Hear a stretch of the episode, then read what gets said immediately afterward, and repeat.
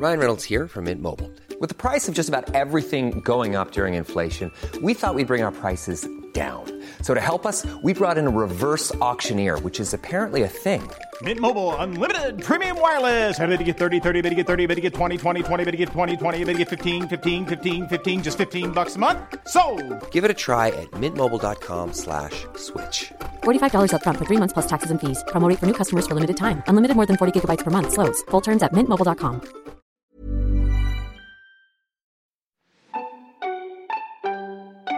Men alltså, om du säger någonting svalt och kyligt, eller nej? Nej, det kommer jag inte in- göra.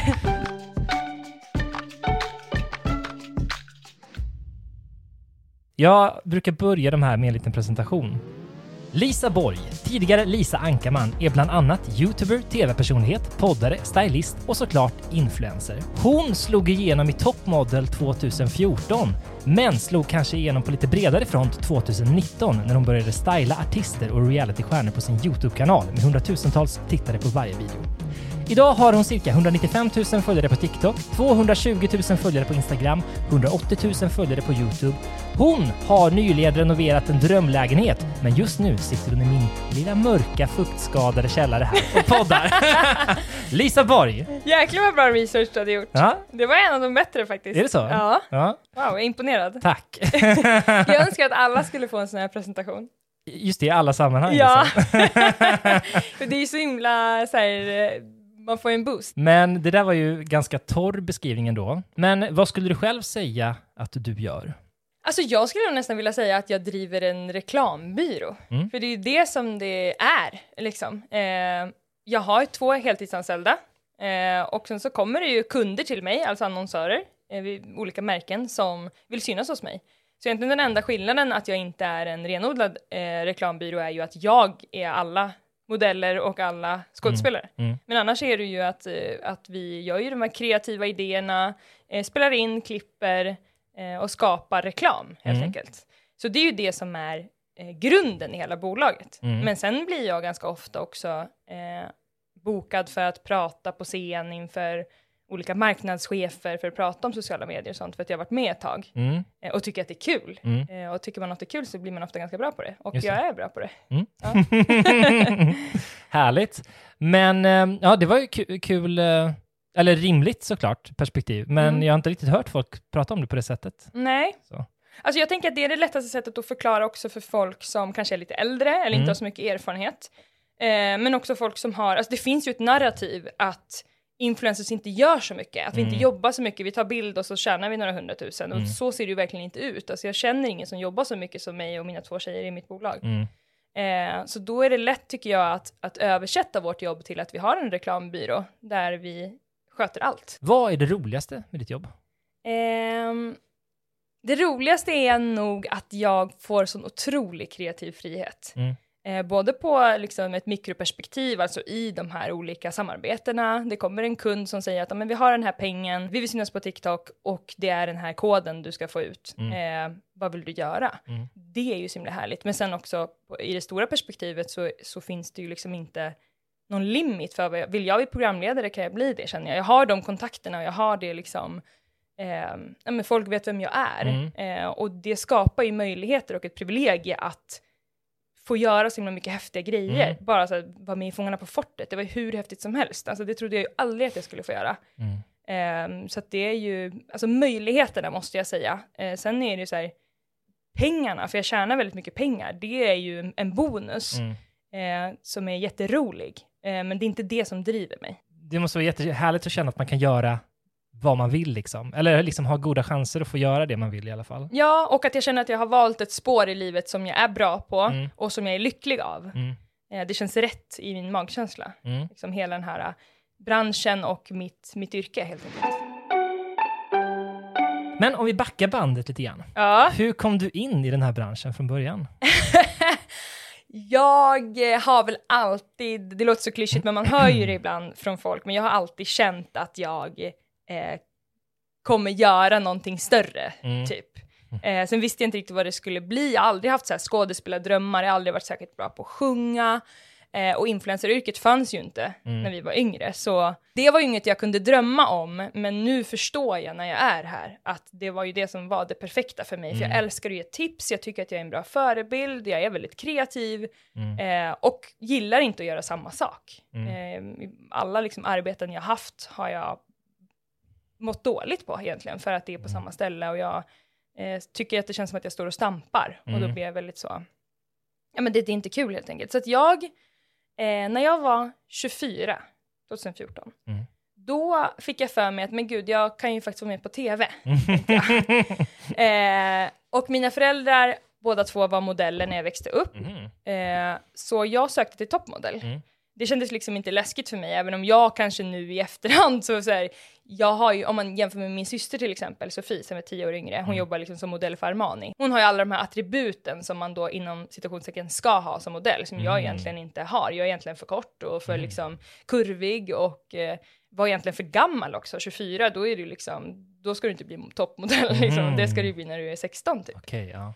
Eh, så att jag sökte ändå med ett gott självförtroende eh, och kom med. Ja. Eh, och det var ju, jag minns ju när de ringde till mig eh, från Meter tror jag det var, jag hade varit på, på casting. Det var vinter och eh, att få det där samtalet eh, som liksom öppnade den där dörren från att så här, jag jobbade som makeupartist på Makeup Store och älskade det. Men plötsligt så ringer ett produktionsbolag och sa att du ska vara med i Toppmodell. Och jag bara la mig ner eh, liksom på marken i snön eh, vid en busshållplats. Eh, och bara, vad fan är det som händer? Den där känslan när så här, livet ställs på sin ända på något sätt. ja, just det. Eh. Sliding door moment. Ja, liksom. men gud, jag får nästan rysningar nu när jag tänker på det. Och sen så var det ju absolut inte som jag hade tänkt mig. Jag hade aldrig gjort tv. Eh, och jag var väldigt ung. Eh, sociala medier var absolut inte stort. Det känns som att man var väldigt mycket i sin bubbla. Man hade inte så mycket information om hur, hur, hur kändislivet var. Eller hur det var att spela in tv och sådär. Jag hade i alla fall verkligen inte det. Eh, så att min st- första största chock var att synka. Som ju är de här intervjuerna. Eh, därför att då blir man ju så pass styrd.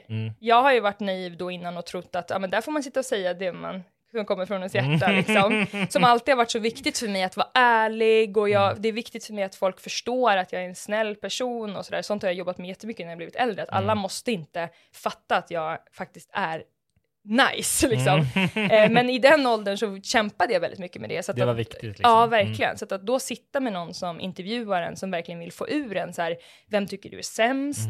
Eh, vilken är din största konkurrent? Vem hade kunnat gjort den där shooten bättre?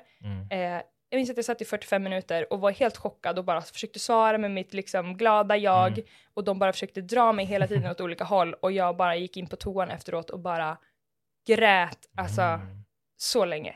De försökte styra in dig på att säga något taskigt eller drama. Ja, och så är det. Jag har gjort jättemycket tv efter Ja, det. ja. Eh, och fattar nu också hur jag ska spela med i deras spel. För de vill ju få ur mig innehåll som de vill ha med. Och det måste inte alltid vara något elakt.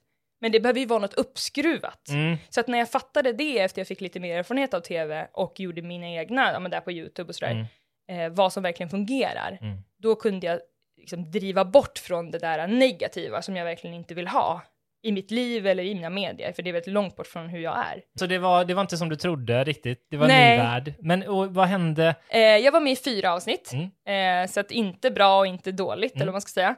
Det var verkligen en så avgörande stund när jag åkte ut, Mm. för då kom Jonas Hallberg fram till mig, stylist, eh, killen som var eh, programledare då, Mm. och tog tag i mina axlar och sa, vet du Lisa, eh, den här resan slutar för dig här, men jag träffar så många människor och du har något alldeles speciellt. Så du måste fortsätta kämpa, du, du hör hemma i den här världen. Liksom. Och då menar han inte bara modellvärlden, utan så här, på tv eller så. Eh, så han bekräftade, en person som jag såg upp till och som har lyckats, bekräftade det som jag alltid har känt. Mm. Och det gjorde jättemycket för mig. Så jag tjatade på TV3, alltså, jag tror säkert jag skickade tio mejl som jag inte fick svar på, att jag skulle få en podcast som skulle heta Modellpodden. Okej. Och det, det drivet kom ju från det som Jonas sa till mig. Ja. För jag tänkte, okej, men vad ska jag göra nu? Eh, jag kommer inte vara med i så många avsnitt, jag kommer inte få så mycket följare på Instagram av det här, för att jag kommer inte hinna bli en liksom, profil i det här programmet. Mm. Och då hade poddar precis kommit. Det fanns inte poddplattformar. Men man kunde lyssna på Alex och Sigge typ på, inte fan vet jag, någon, Ja, man gick in det. på typ Aftonbladet, jag vet inte Mm. vart, det var inte det, men något liknande. Mm. Så då sa jag till dem till slut när de svarade, och bara, nej, vi, nej vi- nu räcker det, vi kommer inte göra det här. Hej Lisa! Då sa jag, men okej, jag köper all utrustning, jag klipper och jag eh, publicerar den. Ni behöver inte göra någonting liksom. Mm. Då fixade de tv3.se snedstreck modellpodden. Så Mhm. jag fick min egen domän, som Mm. också då var väldigt stort. Eftersom sociala medier inte var stort så var fortfarande hemsidor var ju skitstort Mm. då. Bloggar var jättestort och sådär. Så det där blev min så här podd-hemsida. Mm. Eh, där jag eh, intervjuade de som hade åkt ut. Så jag hade ett sånt eftersnacksprogram varje vecka. Jaha, det var kopplat till. Just det. Mm, Exakt, mm. så jag tog in eh, gäster och, och så. Mm. Eh, och den gick jättebra, Mhm, den podden. Eh, just för att det fanns så få troligtvis, men också Toppmodell var ett jättestort program. Jaha, men förlåt, men då släppte du avsnitten parallellt med att serien gick på tv? Exakt. För du visste att du hade åkt ut, ja. Ja, Just det. så jag Mm. började ju tjata på dem då ett halvår innan det här Mm. skulle sändas. Just Att, så det. men jag ska göra det här eftersnacksprogrammet, jag kommer bjuda in de som åker ut, folk kommer Mm. vara intresserade av att höra hur de mådde där, och hur det kändes att åka ut och sådär. Mm. Så till slut fick jag göra det och det gick jättebra och det var det som var min första, skulle jag säga, boom liksom Mm. av att så här, folk kände igen mig på stan och bara jag lyssnar på podden, det är så himla bra och sånt. Mm, mm. Eh, och det fanns inte så mycket sådana här eftersnacksprogram heller så det var ganska nytt. Mm. Eh, och nu är det ju så himla mycket folk reagerar på YouTube Mm. och sånt. Det finns ju ett intresse av Mm. det där att få, vad hände sen helt enkelt. Eh, så det gjorde jag och eh, det är jag jättestolt över att jag, att jag tjatade mig till. Och jag tycker att man ska tjata om man är säker på att man är rätt person för jobbet. Mm. Alltså om man känner så här, det här ska jag göra väldigt, väldigt bra. Mm. Inte tjata för att någon annan ska lära en eller någon annan ska, men jag kände bara så här, jag har de här färdigheterna. Jag vet att jag kommer göra det här bra. Mm. Eh, och då blev det ju väldigt bra. Ja, vad kul. Ja. Men var det det första, liksom, vad säger man, offentliga produktionen som du gjorde då? Förutom tv-programmet? Ja, precis. Först var det ju toppmodell då, och Mm. sen så parallellt med det så släppte jag eh, modellpodden, så det Mm. var tio avsnitt bara Mm. eh, av eh, podden som gick då varje vecka under säsongen. Mm. Och sen när den podden och, och säsongen var slut så fick jag förfrågan att vara med i ett program som heter Jagad av hundar, Mm. som också Meter gjorde. Mm. Som är en historia för sig. Vi åkte till Litauen, mitt i, alltså, spelade in mitt i natten med bara massa kameror uppsatta i hela skogen och så var det bara en skräckvärld. Jaha, Alltså, var- man var verkligen jagad av hundar? Ja, ja. Ja. Och vi hade ögonbindel och vi blev tvingade ner på knä. Alltså det var helt, det var helt, helt vidrigt. Men det blev ju också så här, det kändes som att det kom så mycket grejer av att vara in, alltså är det är på något sätt, har man fått in foten Mm. i den här vä- mediavärlden Mm. och man har ett driv och pratar med folk och sånt, då är det som att man, man får så mycket chanser då ju. Mm. Men efter Jagad av hundar så, och det var också 2014, då var det väldigt tyst egentligen. Mm. Eh, jag tjänade inte, alltså jag kanske tjänade 10 000 i månaden eller någonting. Mm. Eh, och det gjorde jag mellan 2014 och 2018, 19. Mm. Alltså jag bodde i en lägenhet som kostade 2000 kronor. Mm. Eh, gick upp varje morgon, bloggade, fotade, du vet. Jag, alltså jag, jag tyckte att jag levde det bästa livet. Mm. Alltså jag kunde inte fatta att jag kan tjäna 10 000 spänn på att så här, göra blogginlägg. Alltså så, då var jag den där influencern som folk tror att influencers är Ja, nu. ja, ja, alltså så här, jag Ja. tog bilder och så här, men det var ju också ett helt annat klimat då. Ja, det var då var det verkligen selfies och så fick Mm. man bara 10 000 likes. Men nu pratar vi om en blogg här ju. Kan du berätta mer om den? Eh, men blogga gjorde jag i jättemånga år. Eh, den låg liksom parallellt hela tiden. Eh, det, det gjorde jag innan Toppmodell också. Ja. Bloggade på Finest om du Mm. minns. Ja, just det. Ja. Delade ut något pris på Finest Awards. Det var lite sådana här små grejer men Ja. det, liksom, det lossnade aldrig. Nej, okej. Eh, så att i fyra år, lite drygt, så grindade jag något så fruktansvärt. Mm. Alltså, jag jobbar hårt nu, men nu jobbar jag ju också hårt för att få ut någonting och för Mm. att tjäna pengar för att få, få göra alla de här härliga roliga grejerna. Mm. Då jobbade jag nästan för inget. Ja.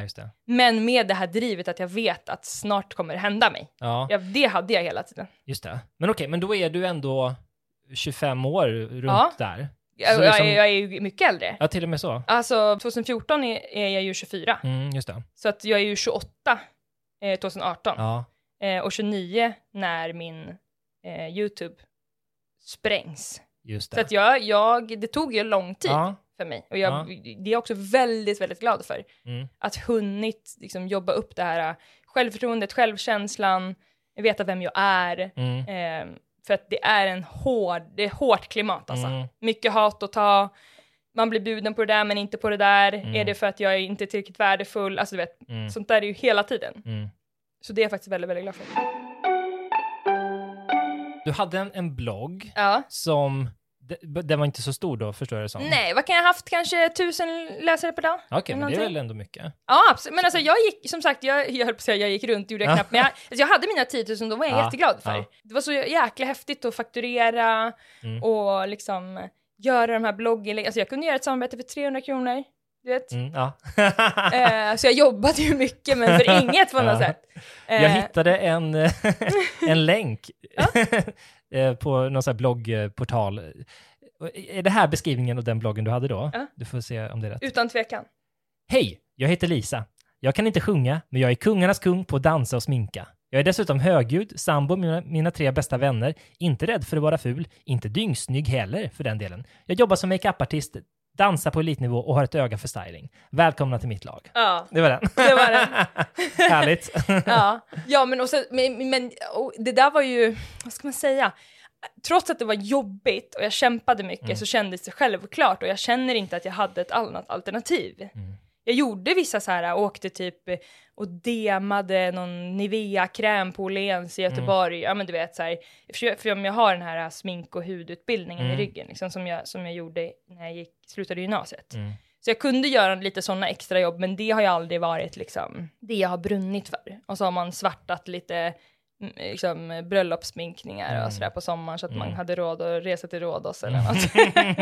det svåra också, det jag tror många gör fel när man vill bli influencer, är att man gör som alla andra. Ja, Eh, och det gjorde ju jag med. ja. Förut, eh, alltså min personlighet ändrade jag aldrig, Mm. men innehållet var verkligen så här. Eh, prova amerikanskt godis på YouTube. Mm. Alltså du vet, som alla Mm. gjorde då. Mm. Eh, och det är klart att jag inte blir stor då, för att det finns redan de som har gjort det länge Mm. eh, och eh, folk som var bättre på det jag var. För jag, och jag brann inte för det och det ser folk i ögonen. Mm. Alltså om man kollar på en person som inte brinner för det den gör, då Mm. swipar man ju bort. Mm. Eh, så att, att jag började styla 2019, det var bara en supertillfällighet. Mm. Jag gjorde ett samarbete, jag tror att det var för Junkyard. Mm. Ja, vad kan jag ha fått då? 800 spänn eller något. eh, där jag, som jag döpte till stylar mig själv, eller något sånt där. Mhm. Istället för howl. Så döpte Ja, jag den till det. att jag Mm. stylade. Mm. Och då fick jag några kommentarer, bara så här, kan inte du styla den här, kan inte du styla den här? Eh, och då bara, ha, jo, det vore ju kul. Och jag, jag gör ändå inför varje förfest med alla på hela festen, Ja. liksom. eh, och har alltid kul med kläder och sånt. Mm. Så jag hör av mig då till en mikroinfluencer som heter Moa Eriksson, som eh, har en liksom jättevacker volumös plus size kropp. Mm. Och det syntes ju inte heller så mycket på den tiden. Eh, så att jag stylade henne och då fick den videon typ så här 10 000 views och jag bara så här, oh my god, det här, och du vet mycket kommentarer, Mm. folk som skrev att det var fint eller fult eller jag borde gjort sådär. Jag Mm. märkte att så här, här finns det en buzz. Mm. Eh, och det sålde bra. Så att jag började få mer Vad- pengar. vad- Det sålde? Så, det sålde bra, alltså kläderna. Ja, ja, just det. Mm. Ja. Så då såg jag ju så här, gud, jag kan ju tjäna pengar från företag som vill betala mig och skicka kläder och sen så kan jag dessutom ta in en känd person som gör reklam för den här videon Mm. och då så bara såg jag, du vet, stjärnorna stod bara helt så här, "Ah, what the fuck har jag kommit på nu? Mm.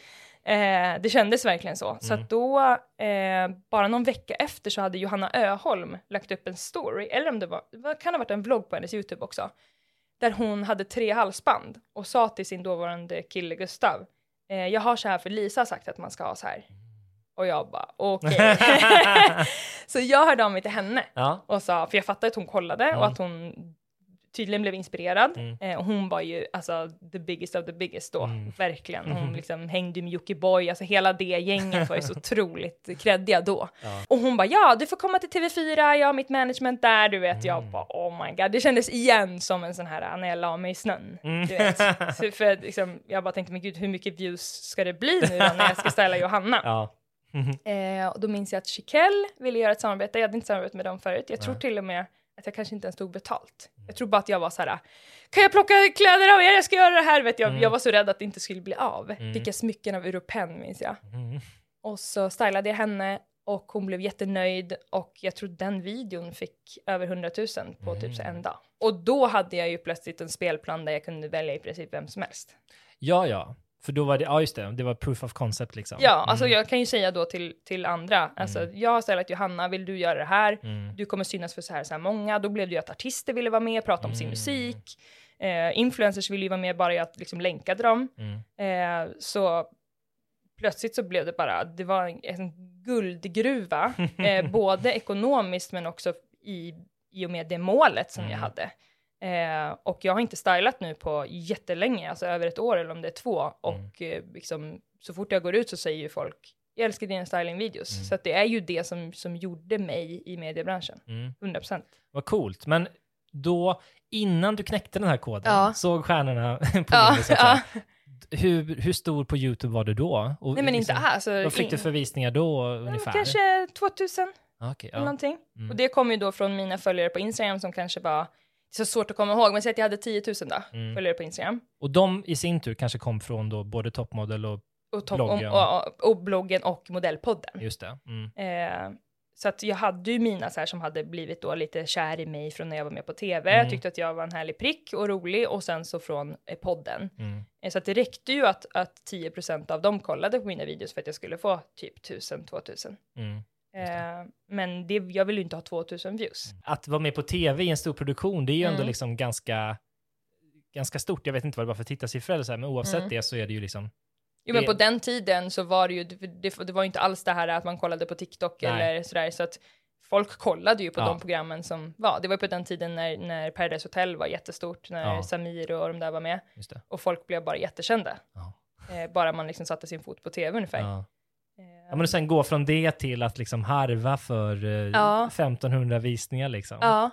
Då, då krävs det lite pannben för att köra på. Ja, men det har jag. Mm. Eh, men det har jag, jag, jag är ju också skitdålig och lat eh, på saker som jag säkert borde göra, Mm. eh, men som jag inte vill. så att det är inte att jag är så här, äh, åh, jag klarar allt och det är liksom, eh, men om jag verkligen vill göra något, då vet Mm. jag att jag klarar det. Men när du hittade det här stylingkonceptet då, Hittade du något framgångsrecept efter succén med stylingvideorna? Ett framgångsrecept som ju var jättestort inom det här är ju att ha med sig andra i sina medier. Mm, Att det ger ju dubbel intresse. mm, Om jag har med då Therese Lindgren som var med en gång och blev stylad till exempel, då vill ju folk se henne och Mm. mig. Så det Mm. blir ju dubbla. Hon drog ju mer än mig, men du fattar. mm, Eh, så det är ju ett framgångsrecept. Ett annat framgångsrecept är ju att göra reklam för sånt som folk alltid vill ha, som till Mm. exempel kläder. Eh, det, liksom, det går ju aldrig ur tiden att göra reklam för kläder. Sen är det klart att från den tiden när jag gjorde det här så har det ju blivit en mycket mer fokus på klimat och eh, second hand och sådär. Eh, och det började komma i slutet också, att det blev, man blev mer medveten och det är ju Mm. superviktigt. Och då gjorde jag också mer eh, samarbete när jag till exempel gjorde om kläder Mm. eller sådär. Och vad hände sen då? Ja, vad hände sen? För, för det här var 2019 ungefär. ja, Och då hade ju liksom Instagram hade ju blivit mycket större än vad det Ja. var från början. TikTok hade väl nästan kommit? TikTok hade jag inte, absolut Nej. inte. Eh, det skaffade jag bara för typ ett år sedan. Okej, ja. Jag var verkligen sen. Ja. För att man är äldre. Det känns som att många i branschen som är i våran ålder har inte ens skaffat TikTok. Mm. De tycker bara det är svårt och konstigt och sådär. Mm. Det tyckte jag med. Men, eh, nej, men i och med YouTuben så blev ju min Instagram jättestor också. Mhm, Så jag kunde mm. göra samarbeten där. Så att det Mm. var ju verkligen YouTuben som drog in tittare på min Instagram. Just det. Eh, eller följare då. Mm. Eh, så så fort jag la upp en video så du bara tickade ju. Liksom. Jag kunde inte ha på notiser för då bara Mm. dog ju telefonen. Liksom. så att jag fick ju mitt det här också. Jag, jag var ju ledsen att jag hade åkt ut så tidigt Från Topmodel. Jag åkte hem och färgade håret och var knäckt liksom. Jag skulle ju bli alltså superkändis. Mm. Eh, och så blev det inte så. Mm. Så att det var som att, absolut att det kom senare, men plötsligt så fick jag det där som jag hade väntat på, som jag Mm. visste skulle komma, men det Mm. kom då i mina egna kanaler istället. Att varje gång jag la upp någonting så blev det det här Mm. stora, folk hörde av sig till mig. Vet, folk jag har sett på tv, jag har ju alltid varit en sån jäkla reality junkie. Alltså jag ser allt från alla länder typ. Eh, så plötsligt började folk som jag har sett på tv höra av sig till mig och Mm. bara så här, märkte att de var nervösa när de kom hem till mig och bara, det var så otroligt speciell Mm. känsla eh, som jag verkligen uppskattade. Inte att folk var nervösa runt mig såklart, men att bara så här, nu är fan jag, I made it, så Mm. var det ju. Sån Mm. känsla var det verkligen. Coolt. Ja, Men eh, vad la du upp på Instagram då? jättemycket outfitbilder. Ja, ja. Mm. Eh, Men också eftersom man kunde lägga upp på story och eh, man la ju inte upp videos. Mm. Alltså på, det fanns ju inte reels och sådär. Mm. Eh, det var ju verkligen bilder. Så det var ju eh, bilder på mina outfits och mina gäster var det ju mycket också. Vi tog alltid en bild och la upp på Instagram att på, på torsdag kommer det här upp och sen också en trailer då från, den var i och för sig i video, Mm. eh, från YouTube-videon la jag alltid upp också, eh, som ju blev jättepopulärt. Men så det du gjorde på YouTube då, hade det som regel, var det någon gäst med då? Alltid. Ja, alltid. Ja. Mm.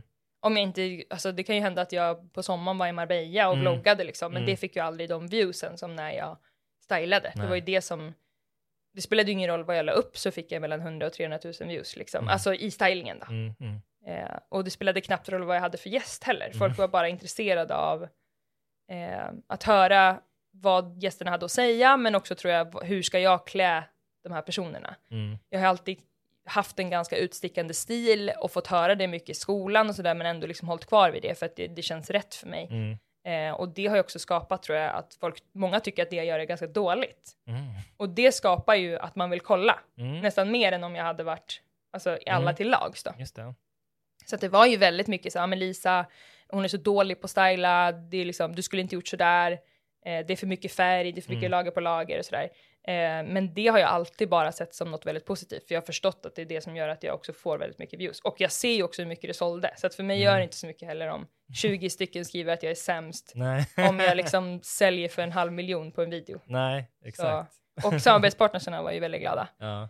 Eh, Men menar du att du, du såg att det, det var en fördel att provocera lite? Så du kanske liksom... Alltså jag provocerar inte med mening. Nej, nej, nej. Eh, jag är bara autentisk till Ja. min egen stil.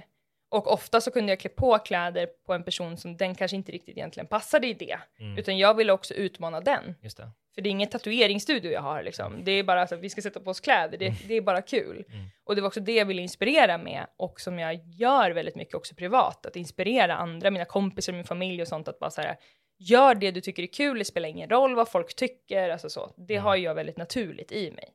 Och jag tror det också blev en stor grej i mina videos, att folk blev inspirerade av så här, shit, Lisa vågar göra det här med den här stora kändisen, Mm. eh, fast det är så många som inte tycker att det är bra. Mm. Och jag tror att det är anledningen till att ingen har tagit heller upp det här efter mig. För att jag menar, det är, konceptet är ju fritt. Mm. Varför har ingen gjort det? Jo, för att det är så fruktansvärt läskigt. Nu är du ju också stor på TikTok. Ja, Berätta om eh, när du började med den plattformen. det var också en resa med mycket tårar, för fan. Eh, ja, vart ska jag börja? Alltså jag fattade ju att TikTok höll på att bli jätte, jättestort och jag märkte ju att Instagram gick ner i views därför att folk lämnar plattformen eh, och byter liksom. Man vill ju inte heller bli av med de unga, eh, för det är de som ska växa upp och fortsätta följa en sen. Eh, så det var ju som att jag och väldigt många andra i våran bransch blir tvingade nästan att byta arbetsplats Mm. eh, och lära oss ett nytt sätt att jobba, för det är ett helt annat bildspråk. Helt an- alltså, du vet, så här, emojisarna betyder andra saker än vad jag någonsin kunde tro. Eh, så att jag la typ ett halvår, för ungefär ett år sedan, på att lära mig vad lägger andra upp som är lik mig. Eh, influencers i UK eller USA eller sådär. Eh, Vad gjorde du då konkret? Du kolla, scrollade. Ja. Scrolla och scrolla och scrolla. Ja. Eh, och försökte lägga ut grejer ibland, vissa saker gick jättebra, vissa, alltså för att folk ju ändå kände igen mig liksom. Mm. Men också mycket så här eh, hån kring att jag är för gammal för plattformen, jag, ja, men jag, jag upplevde det som ganska cringe, för att jag kände Mm. inte igen hur jag skulle göra. Hur gör man en övergång på det sättet man ska göra på TikTok? Mm. Vad skriver man? Vad betyder de här pilarna till höger som man lägger efter varandra? Vet, jag visste ingenting, Mm. utan jag bara provade mig fram. Och det är väldigt läskigt att prova sig fram när man redan är ett känt namn. Mm. Eh, och det är jag också väldigt glad för att jag fick de här fyra åren faktiskt innan jag liksom blev ett namn i medievärlden för att jag fick prova mig fram, lära mig redigera Mm. bilder och liksom lära mig vad som fungerade. Mm. För annars, jag, jag tycker så synd om många realitystjärnor som blir väldigt stora Mm. över en säsong av någonting och sen ska de inför allas ögon lära sig att bli en influencer. Det är skitpinsamt. Mm. alltså det är verkligen det. Ja. Vem är jag när jag pratar framför kameran? Allt det där måste de göra inför då tusentals människor. Verkligen, jag tänkte på det. Det, är ju, det är ju läskigt för dem som är med i Paradise Hotel eller Ja. Ex on the Beach och sånt där, men de är ändå lite så här, de vill ju ta plats Ja. på ett sätt, Ja. ofta.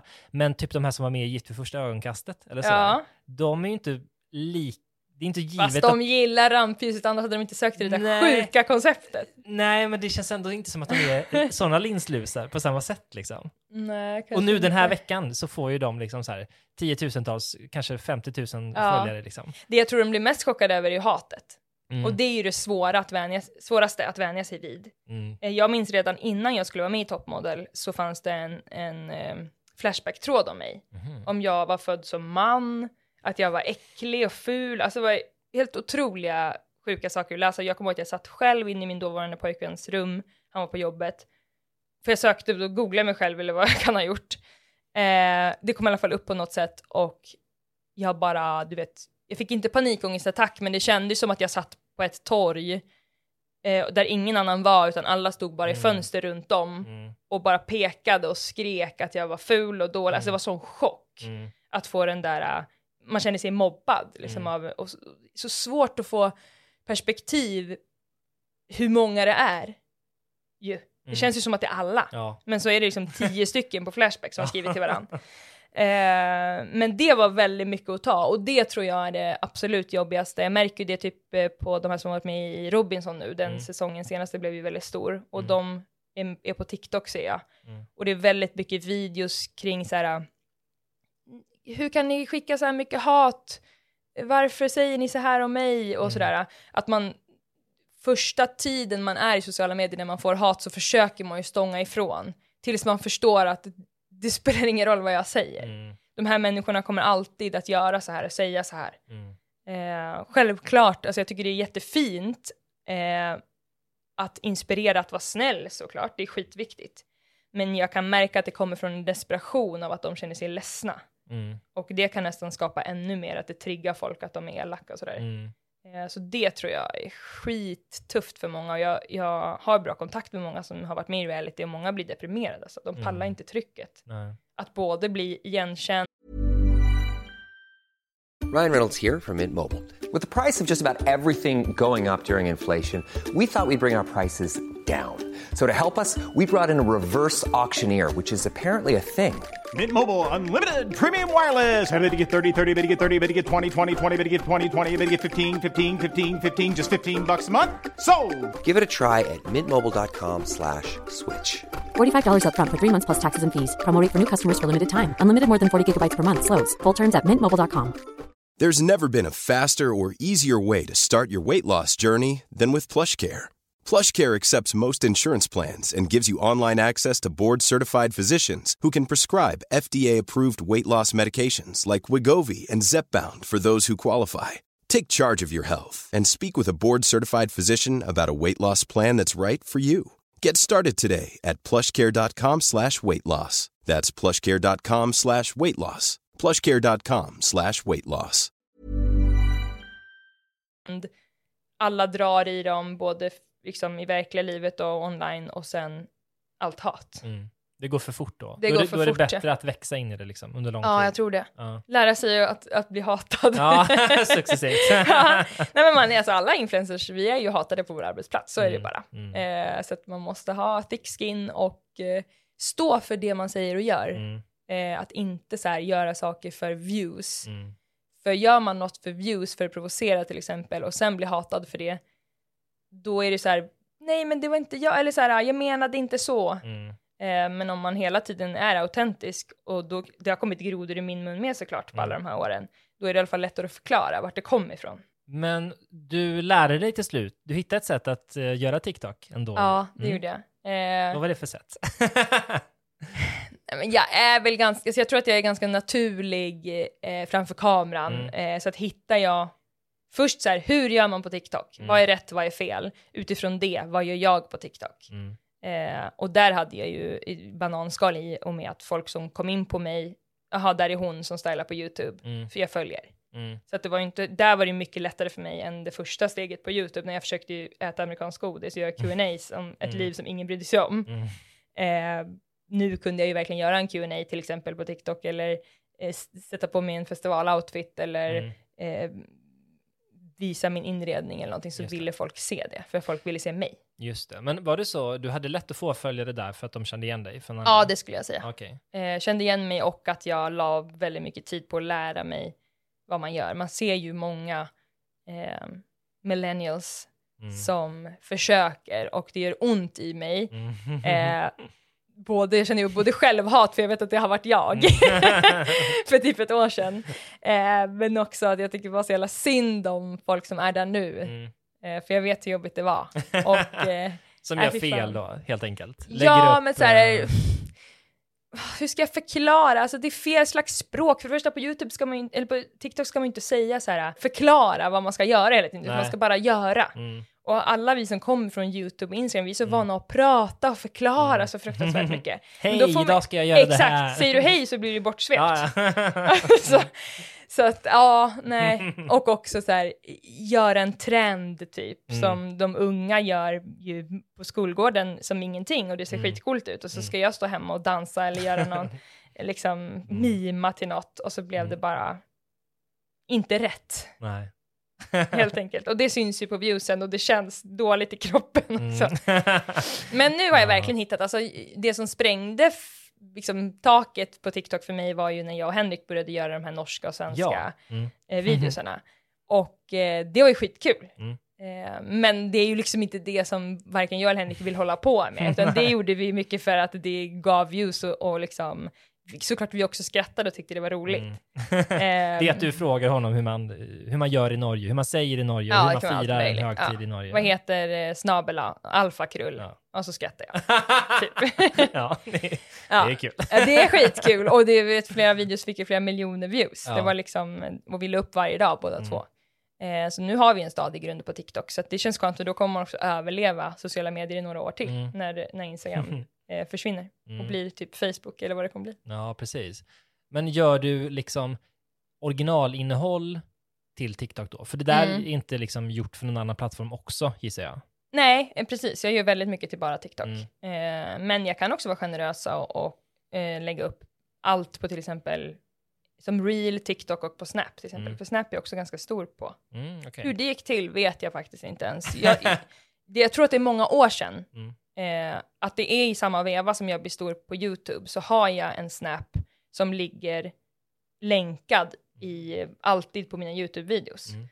Eh, Men jag fattade inte hur man kunde kolla hur många som följde den. Mm. Så när jag kollade för bara kanske ett halvår sedan, för att jag hade haft en vilande, jag har inte hållit på med Snap på jättemånga år. Mm.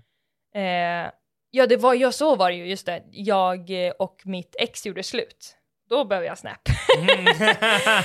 och då när jag gick in så såg jag bara, fan jag har ju 80 000 följare här. Jaha, oj. Det bara Ja. ligger en, en liksom följarskara, följarskara här som, Ja. som ligger vilande. Så nu gör jag ganska mycket samarbeten på Snap. Jaha, också. men hur då? Ja men eh, alltså som en howl, alltså man kan ju länka på Snap. Ja, men gör du det som stories eller som eh, spotlight? Nej, eh, som, som stories. Jag har aldrig, gjort- Okej. jag har aldrig eh, tagit betalt för Spotlight. Nej. Ja, Snapchat är konstigt tycker jag. Eller jag har aldrig fattat det förrän nu Det nyligen är då. svinstort. Ja, Alltså det är helt sjukt. Bland de unga, det är, liksom, det är typ lika snabbt växande som TikTok. ja. Alltså det är verkligen, jag var på något event med Snapchat, alltså de siffrorna som de presenterade, det var så här biljon, alltså du vet, det, bara, det var svindlande. Men hur använder du Snapchat i veckorna då liksom? Mycket faktiskt att jag lägger upp det jag lägger på story. För jag märker ju att det är olika folk som Ja. följer mig. Alltså på story på Instagram då menar jag. Ja. Eh, jag har olika slags följare, jag ser ju det på statistiken, Mm. så det är mycket yngre som följer mig på Snap. Ja. Eh, så ofta lägger jag upp ganska lika. Ja, okej. Men jag försöker posta typ 10 snaps om dagen kanske. För Oj. att hålla mig levande där liksom. Shit. Okej, men eh, för när man gör Insta-stories, det är ju ändå ganska mycket text och sånt där. Mm. Ehm, hur gör du då? då? Då publicerar du den två gånger, skriver in text och omröstningar och... Jag, jag la- laddar bara ner och lägger upp samma. Ah, det funkar. Det hade säkert funkat bättre om jag inte hade gjort det. Ja, Men hellre att jag, att jag visar närvaro än att jag inte är där alls, Mm. tänker jag. okej. Eh, så att jag, mitt hjärta ligger inte på Snapchat. Liksom. Det, det gör det verkligen inte. Men det, det ligger på min to-do, så jag gör det varje dag. to do eller hjärta? jag försöker gå så mycket som möjligt på hjärta. Ja. Men man måste Okej. vara lite taktisk också. ja, man måste. Strategiskt. Ja. Okej, men så då lägger du upp ehm, mycket stories på Mm. Instagram och på TikTok Mm. och så gör du original TikTok-videos Mm. som också kan Inte ha- så mycket stories på TikTok, det händer, men Ja, men liksom vanliga TikTok-inlägg liksom. ja, Och de hamnar också som Insta-reels. ibland. Inte, alltså kanske var femte, var tionde. Okej. Så inte så mycket. Nej, Jag lägger upp en TikTok om dagen. Och jag Oj. lägger inte upp en reel om dagen. okej. Vad gör du varje dag? Du får gå in och kolla. ja. Nej, men det är allt möjligt. Alltså, jag gör allt från trender till att jag pratar om saker som jag är intresserad av. Det är mycket samarbeten. Mm. Eh, ja, sådana här videos med jag och Henrik när vi Mm. pratar om de här språken som är roliga. Eh, så här, igenkänningshumor. Mm. Ja, bra går det i alla fall. ja, ja, jättekul. Men jag, jag har också tagit mitt koncept från YouTube, eh, stylingen. Ja. Så jag åker hem till följare och stylar dem. Ja, ja, men det har jag sett ju. Så Mm. det gör jag mycket på, på TikTok då. Mm. Kul. Det är skitkul att få ge tillbaka. Alltså det var ju det som, som de flesta skrev till mig under tiden jag gjorde de här YouTube-videorna var bara när ska du styla följare? Mm. Och det blev liksom aldrig naturligt för att jag, det var så otroligt mycket jobb kring eh, att göra de här videorna hemma så att jag också skulle åka iväg Mm. och styla folk i andra städer. Mm. Det, var liksom, det kändes inte rätt då. Men det känns verkligen rätt nu och det är jättekul. Mm, vad kul. Men om man tar tillbaka, du sa att äh, vissa saker stod på din to-do-lista, Mm. andra saker gjorde du av hjärta. Vad är det egentligen, vad gör du av hjärta? Vad är det roligaste liksom? Eller det viktigaste för dig? Jag skulle vilja säga att allt jag, allt innehåll jag gör till kanske 90 procent eh, är extremt autentiskt och något som, som ger mig driv, energi och glädje och som, som ska- också ska sprida glädje.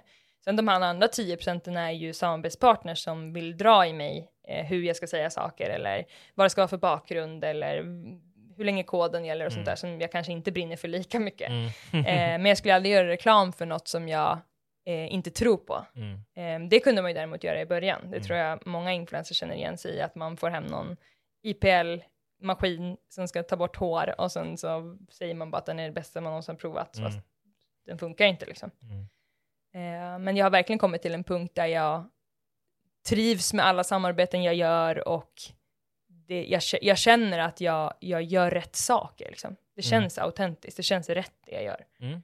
Eh, jag tycker om mig själv i sociala medier, liksom. den jag är där. Men sen så är det ju massa tråkiga grejer, att läsa igenom kontrakt och, och också att man måste tänka eh, att inte bli trampad på av samarbetspartners, Mm. eller alltså vi, man måste ha självrespekt. Mm. Så det har jag jobbat mycket med, att inte bara säga ja och det är bra, jag kan spela om och jag kan göra det här, du vet så. Mm. Eh, så att jag har ju, det har ju växt fram en otrolig affärskvinna i mig. Mm. De har också öppnat massa mer dörrar, för jag märker att folk i branschen hör av sig till mig, alltså andra influencers, Mm. med frågor och sånt där. Så att det verkar ju ha märkts på mig på något sätt då, att jag har koll. Mm. Så det är kul. Mm. Den, den rollen trivs jag väldigt bra i. Stora systerrollen. Ja, men du har hållit på ett tag och du är väldigt produktiv. Mm. Har du några hacks eller några tips på hur man liksom får ut innehåll hela tiden, hur man eh, orkar när man är trött eller hur man får idéer när man inte har några? Eh, jag har nog många som jag lever efter eh, och som jag märker att när jag inte lever efter det så mår jag inte bra och det blir inte bra. Mm. Eh, det behöver inte vara i inbördes ordning, men, men jag, till exempel är det ju viktigt att, att sova bra Mm. och att inte dricka för mycket, alltså inte festa för mycket, som ju är lätt att göra om man till exempel precis har blivit känd eller varit med i en reality eller sådär. Mm. Då blir man inte produktiv. Mm. Eh, så att jag försöker verkligen att när det är fest så, så lägger jag energi på det. Och sen så vet jag att dagen efter kan jag inte jobba. Alltså jag skulle inte jobba bakis. Mm. Eh, för att då gör jag inte det. Det lyser inte i mina ögon. Mm. Och det är det som är mitt varumärke. Mm. Det är då jag tjänar pengar, det är då jag mår bra, det är då följarna vill följa mig. Mm. Men också kanske ha personer runt sig som är kreativa. Mm. Jag har ju som sagt två tjejer i mitt bolag som en är jätteduktig på ekonomi, koordination, heter det så? hon koordinerar. Mm. Koordination kanske mest i kroppen. Men eh, eh, som liksom sköter schema och har koll på koder och Mm. länkar. Och sen har jag en annan tjej som heter Hanna, som har varit här i podden Mm. förut ju. Som är liksom en förlängning av mig. Eh, när vi träffades så var det verkligen som i Emil, du vet sådär, när, när han möter den där lilla pojken på andra sidan grinden. Ja, just det. Det var bara så här, det var som att man såg en spegelbild av sig själv. Ja. Inte då utseendemässigt, men Mm. liksom wow, här är en person som är ändlöst kreativ, slarvig, högljudd. liksom jag bara kände så här, henne, Ja. så jag ringde ju till henne, hon producerade en YouTube-serie som jag och min man hade. Mm. Eh, och då ringde jag till henne och sa, vad, vad vill du ha för att jobba heltid hos mig? Och så började hon göra det. Du headhuntade henne direkt? ja, verkligen. Coolt. Nej men så att ha människor runt sig som peppar en. Mm. Eh, och det kan man ju tycka så här, men om man är liten influencer hur ska man ha råd och sådär. Eh, men man kan ju också ha anställda på provision till exempel, Mm. alltså säljare och sådär. Mm. Eh, så att det finns ju sätt, eller bara att man träffar andra influencers som är ungefär i samma storlek så man Mm. kan peppa varann och spela in också samarbeten ihop. För jag Mm. Tycker, jag gör ju ofta samarbeten med min man, jag gör samarbeten med Hanna, jag gör samarbeten med min syrra ibland, jag Mm. har tagit in ja, men, olika kompisar och andra kändisar egentligen under hela min eh, tid i sociala medier. Och det skapar ju, för den som tittar blir så himla så här, åh, de där vill jag vara som. Det är Mm. mycket starkare än den där. Så, så fort man är två eller fler så blir det så, oj, det där gänget. Det blir Mm. liksom, det. eh, så det skapar både energi för mig när jag spelar in, men också en, en gratis energi på något sätt för den som tittar. Att så här, Mm. aha, vad har de där för dynamik? Det är mycket Mm. mer intressant att kolla på två som pratar än en som pratar Mm. rakt i kameran. Mm. Ofta. Eh, så det kan vara bra. Eh, men sen också, alltså det viktigaste är ju att göra det man tycker är kul. För Mm. man orkar inte vara liksom någon annan under en längre period. Man orkar inte göra något som man inte är bra på under en längre period. Mm. Så att vara sann mot sig själv, alltså kanske skriva ner så här, vad är jag egentligen bra på? Vad jag tycker Mm. jag är kul? Eh, hur mycket av det gör jag? Mm. Eh, och om man inte gör så mycket av det så, så kanske det är dit, i den riktningen man ska gå åt. Mm. För det tror jag jag hade kunnat gjort bättre de här fyra åren. Att inte bara gå på, jag ska bli känd, jag ska bli stor, alla ska se mig, jag är Mm. så himla bra förebild och härlig och gud, alltså sådär. eh, otroligt oödmjuka tankar, men som var liksom min verklighet. Mm. Eh, hade jag tänkt mer, vad är jag bra på? Vad kan jag förmedla? Mer Mm. än bara min, liksom, mitt intensiva self. Mm. Eh, så hade jag kanske kommit på stylingen snabbare. Men jag vet inte om det hade varit rätt i tiden heller. Nej, just det. Det känns som att ganska många går i den fällan att man lägger mycket tid på fel saker. Mm. Liksom. Man har ju inte erfarenheten. Nej. Så det är som att man är, egentligen när man gör någonting nytt, så är det som att man är tonåring och ska bli vuxen. Ja. Det är så här, man kan inte säga till en 14-åring bara, du ska inte gå på den där festen, det, är inte, det kommer inte bli bra för dig. Mm. Liksom, då står ju fönstret öppet fem minuter senare så har han rymt ut. Det spelar ingen roll, man måste liksom göra allt det där Mm. För att veta vart man inte vill vara ju, Mm. eller vad, vad, man inte vill göra. Så det är ju lika viktigt. Så det är också så här, låt det ha sin gång, men gör inte saker som gör dig olycklig. Det är väl det som Nej. är det viktiga, tycker jag. Är det lite då så att du- har tagit in de här tjejerna för att hjälpa dig, delvis för att du själv ska kunna fokusera på det som du, där du skapar mest värde liksom? Absolut. Ja. Så fort jag sitter och, och liksom läser igenom en brief på engelska eller gör någonting, då blir jag ju dränerad. Ja. Och då är inte jag en kreativ person längre. Nej. Och då gör inte jag ett bra jobb. Så det är ju ovärderligt för mig att ha en person som läser igenom briefen på engelska och skriver svenska, tio svenska punkter till mig. Mm. Som jag kan läsa och vara superkreativ. Och dessutom ha med Hanna när vi spelar in, så vi bara Mm. kan skratta och Mm. liksom, det är ju, jag förstår att det är ett, ett privilegium att jag kommit dit där jag kan ha det så, men det för mig är det, jag hade inte kunnat hålla på så här länge om det inte var så. Mm. hade, det är så många i branschen som jobbar själva. Mm. Och jag fattar inte, det är många jag känner bra som jag vet också är mindre strukturerade än vad jag är. Och de är så olyckliga på så många sätt Mm. i vissa delar av deras jobb. Mm. Och jag vill bara säga, men anställ någon, de säger de har inte råd, men, men om du anställer någon så kommer den kunna hjälpa dig att jobba och då kommer du få råd. Mm. Så att man måste också våga ta det steget, Mm. att Ja. skapa hjälp. För ibland kanske det är enda steget framåt också. Ja. Alltså det kommer bara, du kommer tröttna eller inte orka längre. Ja men hur länge orkar man själv helt ärligt? Alltså det är liksom, men jag vet bara, alltså, är jag hemma i fyra timmar själv så får, börjar jag få konstiga tankar. Alltså man behöver ju liksom spegla sig i någon. Mm.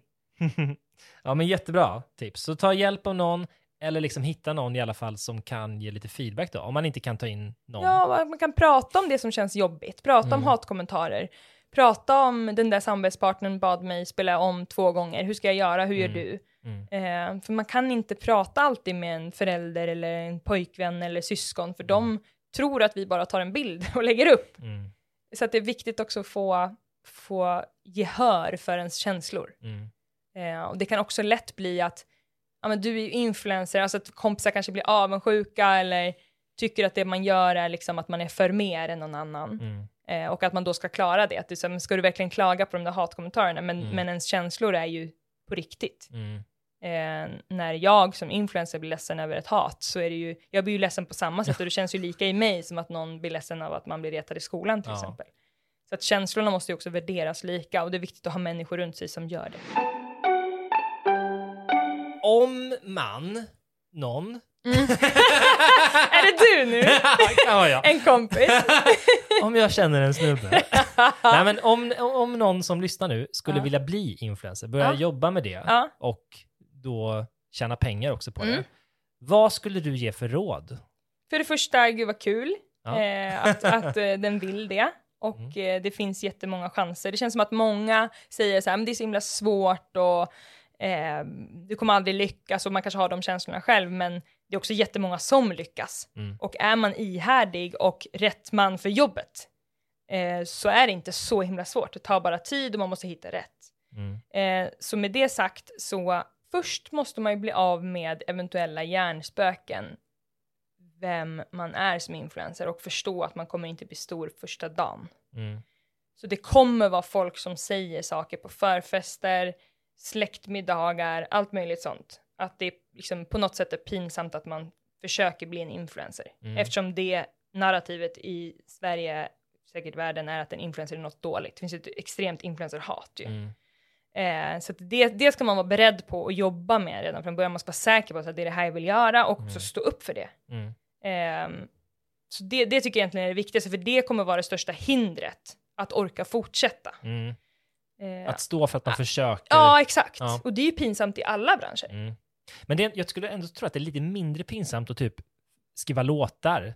Det är ändå Ja, men liksom... för det är det tysta. Det enda du vill här är att de ska se dig. Ja. Så du kan inte göra det här i smyg. Nej, det är precis, det. exakt. Utan du, du Mm. håller på nu och provar göra någonting som du borde göra i skymundan, men som du måste göra inför massa folk för att du vill att folk ska se. Det är Ja. väldigt eh, liksom, komplext. Så Mm. det är nummer ett. Eh, eh, nummer två är väl egentligen, som jag sa innan, skriva den här listan, vad man är bra på. Ja. Vad, vad är unikt med dig? Mm. Har du kanske en dialekt? Det går ju skitbra till exempel på TikTok. Alltså Mm. göra videos där man inte ens ser ansiktet, bara filma saker med en rolig dialekt. Mm. Alltså det går, du får 10 000 views direkt. Mm.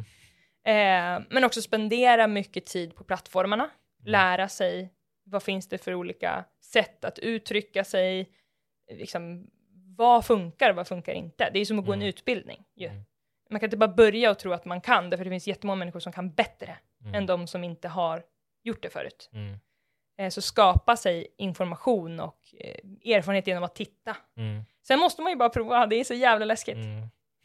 Det är verkligen det. Men eh, ta sig själv och skruva upp lite grann. Mm. Liksom dubbla sin egen personlighet. Var Mm. inte någon annan, men överdriv dig själv. Mm. Eh, och om det då är att du är lågmäld eller högljudd, så det spelar ingen roll. Eh, men för att nå igenom bruset så måste du vara något annat än det som alla som går i ens klass eller är på ens jobb. Mm. För de vill inte folk kolla på, Mm. helt enkelt. Ja, men så är det ju. Mm. Punkt slut. Ja. alltså, folk, vissa vill kolla på dem, deras egna sambos och, och sådär. Men, eh, men inte, inte en så pass stor skara om man, om man har stora mål Mm. med, att, med att jobba som influencer heltid. Så måste man vara unik. Mm. Och alla är ju unika. Mm. Så man behöver ju bara hitta vad är jag unik med? Och då Mm. behöver man också väldigt god självkännedom. Eh, och det kan vara läskigt. Mm. Och jag lär mig jättemycket hela tiden från folk som berättar för mig, olika coacher eller olika management och sånt där som bara så här, du måste bli bättre på att göra det här, eller när du gör det här är du jättekarismatisk. Och Mm. jag har ju ingen aning om det, Nej. för det är svårt att se sig själv Ja. utifrån. Eh, så det är viktigt också att ta hjälp, men det kanske är i nästa steg. Men att skaffa sig en uppfattning av hur man uppfattas liksom. Ja, Ja. alltså jag tror att en, en riktigt bra influencer är antingen någon som har väldigt god självkännedom eller väldigt dålig. Ja, Det är liksom eh, succé, just det. då kommer det gå bra. Ja, då, men då är man lite så här ett uh, kraschande plan liksom. Ja, men många blir ju stora av att de inte förstår skärmen i dem själva. Mm, just det. Eh, för att återgå till exempel till Samir som jag tog upp innan så är ju han ett praktexempel på det. Eh, att han, han är bara lite snurrig, jättesnäll och ser bra ut Mm, och pratar gärna. mm, Och då blev det bara så här, äh, återigen alla stjärnor Mm. stod rätt. mm, Eh, och då blev det som det blev. mm, Så att han har ju inte självkännedom. Idag har han säkert det. mm, Eh, och jag, jag tycker jättemycket om honom, känner honom, men ha, hans storhet i Paradise och efter Paradise var ju verkligen hans dialekt och att han inte riktigt förstod vad han kunde säga och inte, helt ärligt. Ja. Så att man kan bli känd för mycket. Ja. Men tjäna pengar frågade du också om för Ja. samarbeten och sånt. Eh, det har ju blivit jättestort, bara i år har jag märkt, att eh, företag vill ha ditt, då, eller mitt material för att använda i sina kanaler. Just det. Eh, det har verkligen bara sprängts. Mm. Jag tror att, att företagen har märkt att de tjänar mer på att annonsera ut till flera hundratusen än att betala en stor summa för att den ska visas för då de viewsen som hamnar hos mig till Just exempel. det. För där har de inte kontroll heller på hur många som ser det. De, Nej men precis, de, hoppas kan inte betala sig till det. Nej, eh, utan då betalar de mig ett visst antal tusen kronor Mm, och sen så blir det det det blir. Och då Mm. blir det mellan 50 och 250 000 views och det kan Mm. inte jag lova heller. mm, Eh, men om de däremot köper en video av mig för samma pris, Mm. eh, men som de kan ha kontroll över Mm. hur många det syns till. Så det har verkligen företagen börjat gilla och det är ju bra för nya kreatörer. Att man helt enkelt jobbar med bara att göra innehåll för företag. Just det. Inte, inte som känd person då, Mm. utan man får hem då Kajas produkter och så visar man hur det blir glow och sen så köper Kaja dem, den videon för några tusen Mm. för att lägga upp på sina kanaler. Just det. Och det är ju bra då för kreatören för att de inte måste ha en jättepublik från Precis. start för att Ja. få, ja precis. Men det, det kan också vara en grej i början att man både säljer på sin egen kanal, Ja. om vi säger att man har en TikTok med 10 000 följare, man är på väg upp liksom, Mm. och man får kanske mellan 2 000 och 20 000 views, om, Mm. vi, om vi säger en, en sån influencer. Där har du ju verkligen en lucka att höra av dig då till Stronger och säga, eh, jag kommer göra en video eh, som jag tar 2000 spänn för, nu Mm. bara säger jag någonting. Eh, men ni får också köpa den för 2000 till. Och då kan ni annonsera med den. Mm. Då har man plötsligt fått dubbelt Mm. och de har fått ut material som de kan annonsera på under en månad kanske. Eller sådär. Just det, och då publicerar de den också. Då använder de den som en annons, alltså de lägger in i meta på Facebook. Mm, så de det. publicerar inte den.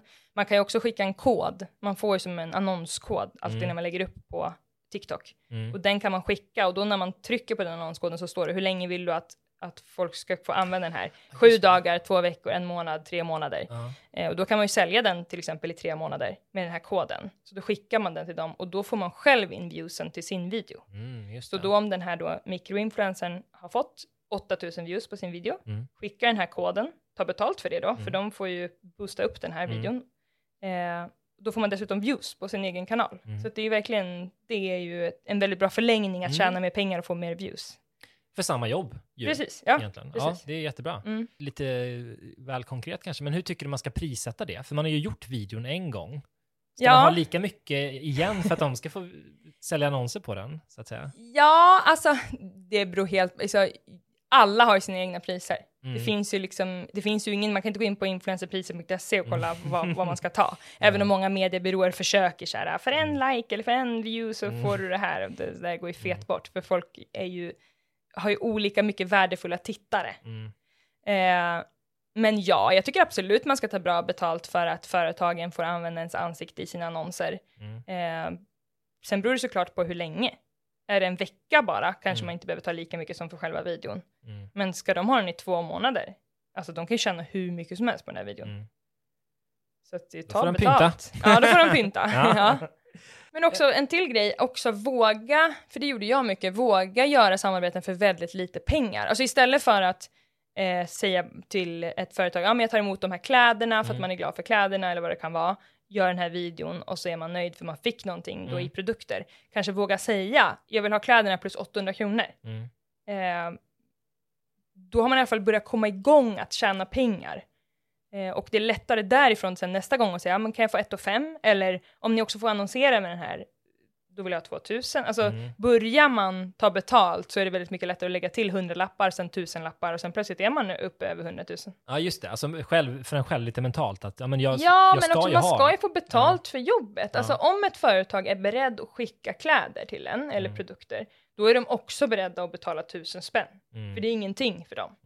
Mm. Eh, Men det kan vara väldigt härligt att göra ett samarbete och fakturera inom frilansfinans eller vad det kan vara för att man Mm. inte har sitt företag och få ut 500 kronor Mm. som man kan gå ut och dricka drinkar för. Det är ju en jävla känsla. Mm. Och det är en sån himla härlig inkörsport till att liksom bli entreprenör och kanske starta eget bolag Mm. i framtiden. Fanns det något eh, ämne eller någon fråga du trodde vi skulle komma in på som vi inte har varit inne på? Jag tycker alltid det är så olika när man gör såna här grejer. Vissa är fokuserade på saker som har varit jobbigt och vissa Mm. vill höra, men du, din podd handlar ju om hur man blir fucking influencer. Det är det vi har pratat om. exakt, jag tänker det. Ja. Nej, men en grej som kanske kan vara inspirerande är ju att när jag slutade styla på YouTube 2021 typ, då hade ju jag för ett år sedan träffat min nuvarande man Henrik som är realitystjärna i Norge. Just det. Eh, så han kom ju från Norge där han hade varit med jättemycket i tv, han hade varit ihop med någon tjej i Skam och det hade varit liksom, han hade blivit väldigt stor.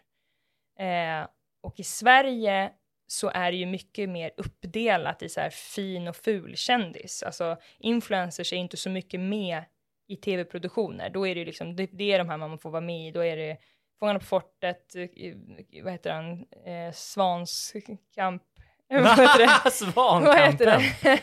Ja, men ja, Gunde Svans Svan. kompani, ja. Det finns ju några sådär, Ja. men i Norge är det så här, har du varit med i Ex on the beach så får du vara med i, i Skal vi dansa, alltså så you think you can, ja, det är liksom, Ja, mm. och så är det ju inte i Sverige, det är verkligen så här, vissa events är realitystjärnor på, Mm. vissa events är bara artister på, det är väldigt uppdelat. Eh, och att få in den kulturen från Norge in i min relation från honom, där han var så här, det är klart att du kan ha din egen show, det är klart att du kan vara med i Let's Dance och såna här grejer, och jag bara så här, nej vadå, jag är bara en blond Ah. influencer liksom, att jag har blivit också matad med det där influencerhatet, matad med eh, vad mediehusen vill se och inte. Mm. Eh, det gjorde att jag fick sån himla kraft att våga tänka att okej, men vad, jag, vad vill jag göra nu när jag slutar styla? Jo, jag vill eh, bli programledare, jag vill bli eh, tv-profil, jag vill alltså vara med i olika tv-program. Mm. Och så fort jag bara skiftade fokuset dit och fick det självförtroendet från honom, bara liksom inte den här blockeringen att jag inte Mm. kan, då hände ju allt det där. Alltså då, då skapade ju vi den här själva, den här realityshowen för det Mm. första på YouTube, som är den första realityshowen någonsin i Norden, alltså med synkar Mm. och sådär. Mm. Eh, hyrde in, in värsta produktionsbolaget, samma som har gjort liksom Robinson och sådär, och Jaha, Hanna som coolt, ja. producent. Mm. Eh, och så sålde jag bara, jag hade ju redan alla samarbetspartners från stylingen som ju ville lägga sina pengar på mig som de vet att det har gått så bra. Mm, Så jag mm. bara fortsatte jobba med dem Mm. i den här serien. Så att, att, att våga skifta fokus, våga ta bort de här, alltså, de här äh, förutfattade meningarna Mm. som man har i huvudet om sig själv och Mm. om branschen. Om att det inte går. Exakt. Typ. Ja, Eh, men också att göra det själv. ja. För att jag var i kontakt med jättemycket olika, olika produktionsbolag att så här, ni borde ta in mig och Henrik, vi har liksom våran, alltså ni kan få både norska och svenska marknader med oss. Mm. Eh, vi har precis förlovat oss, alltså det är klart att ni vill jobba med oss Mm. och det var jättemånga som var intresserade men de ville Mm. knappt betala. Mm. Och då blev jag bara så här, det var så en känsla som att vi skulle vara glada att de tog in oss i de Mm. fina rummen typ. Mm.